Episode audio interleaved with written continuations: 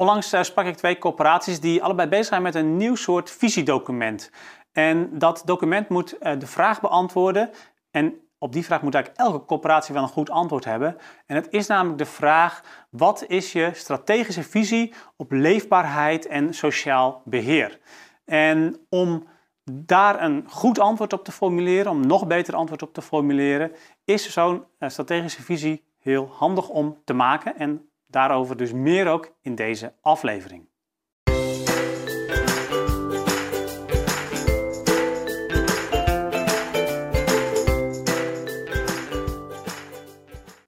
Ja, wat is je strategische visie op leefbaarheid en sociaal beheer?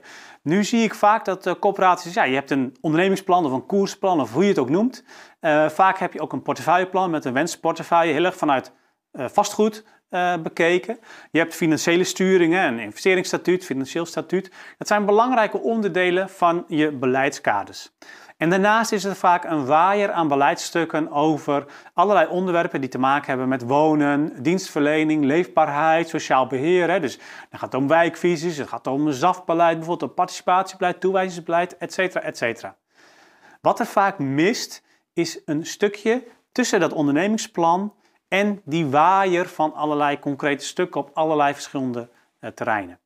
Nou, als je daar nou eens één visiestuk van zou maken, één visiestuk over de, op de maatschappelijke taak van de coöperatie als uitwerking van het ondernemingsplan. En uh, dat is dus een stuk wat echt naast je financiële sturing, naast je portefeuilleplan, eigenlijk de derde poot is, de derde uitwerking van je ondernemingsvisie. Dan maak je dat een stuk steviger en dan ga je vervolgens ook zien dat uh, dat misschien ook wel het meest belangrijke stuk is na je ondernemingsplan. En wat ook weer invloed heeft op zowel je financiële sturing als op je portefeuilleplan. want een deel van de doelen die je maatschappelijk wilt halen op het gebied van leefbaarheid, op het gebied van sociaal beheer, uh, bereik je ook door een aantal dingen anders wellicht te doen in je portefeuillestrategie. En door misschien ook wel dingen anders te doen in je financiële sturing.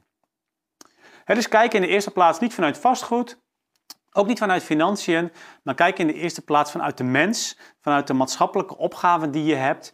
En ga daar op visieniveau uh, naar kijken, zodat je vervolgens ook een goed kader hebt om al die onder, onderliggende stukken, hè, dus van SAF-beleid tot participatie tot toewijzing uh, en alles wat erbij komt, om dat ook uh, vanuit een uh, ja, vanuit één visie eigenlijk uh, op te stellen, zodat je ook niet steeds weer de discussie hebt over allerlei tegenstrijdigheden die, daar, uh, die daarin kunnen voorkomen als je bijvoorbeeld een ZAF-beleid gaat uitwerken of bijvoorbeeld een, een, een toewijzingsbeleid.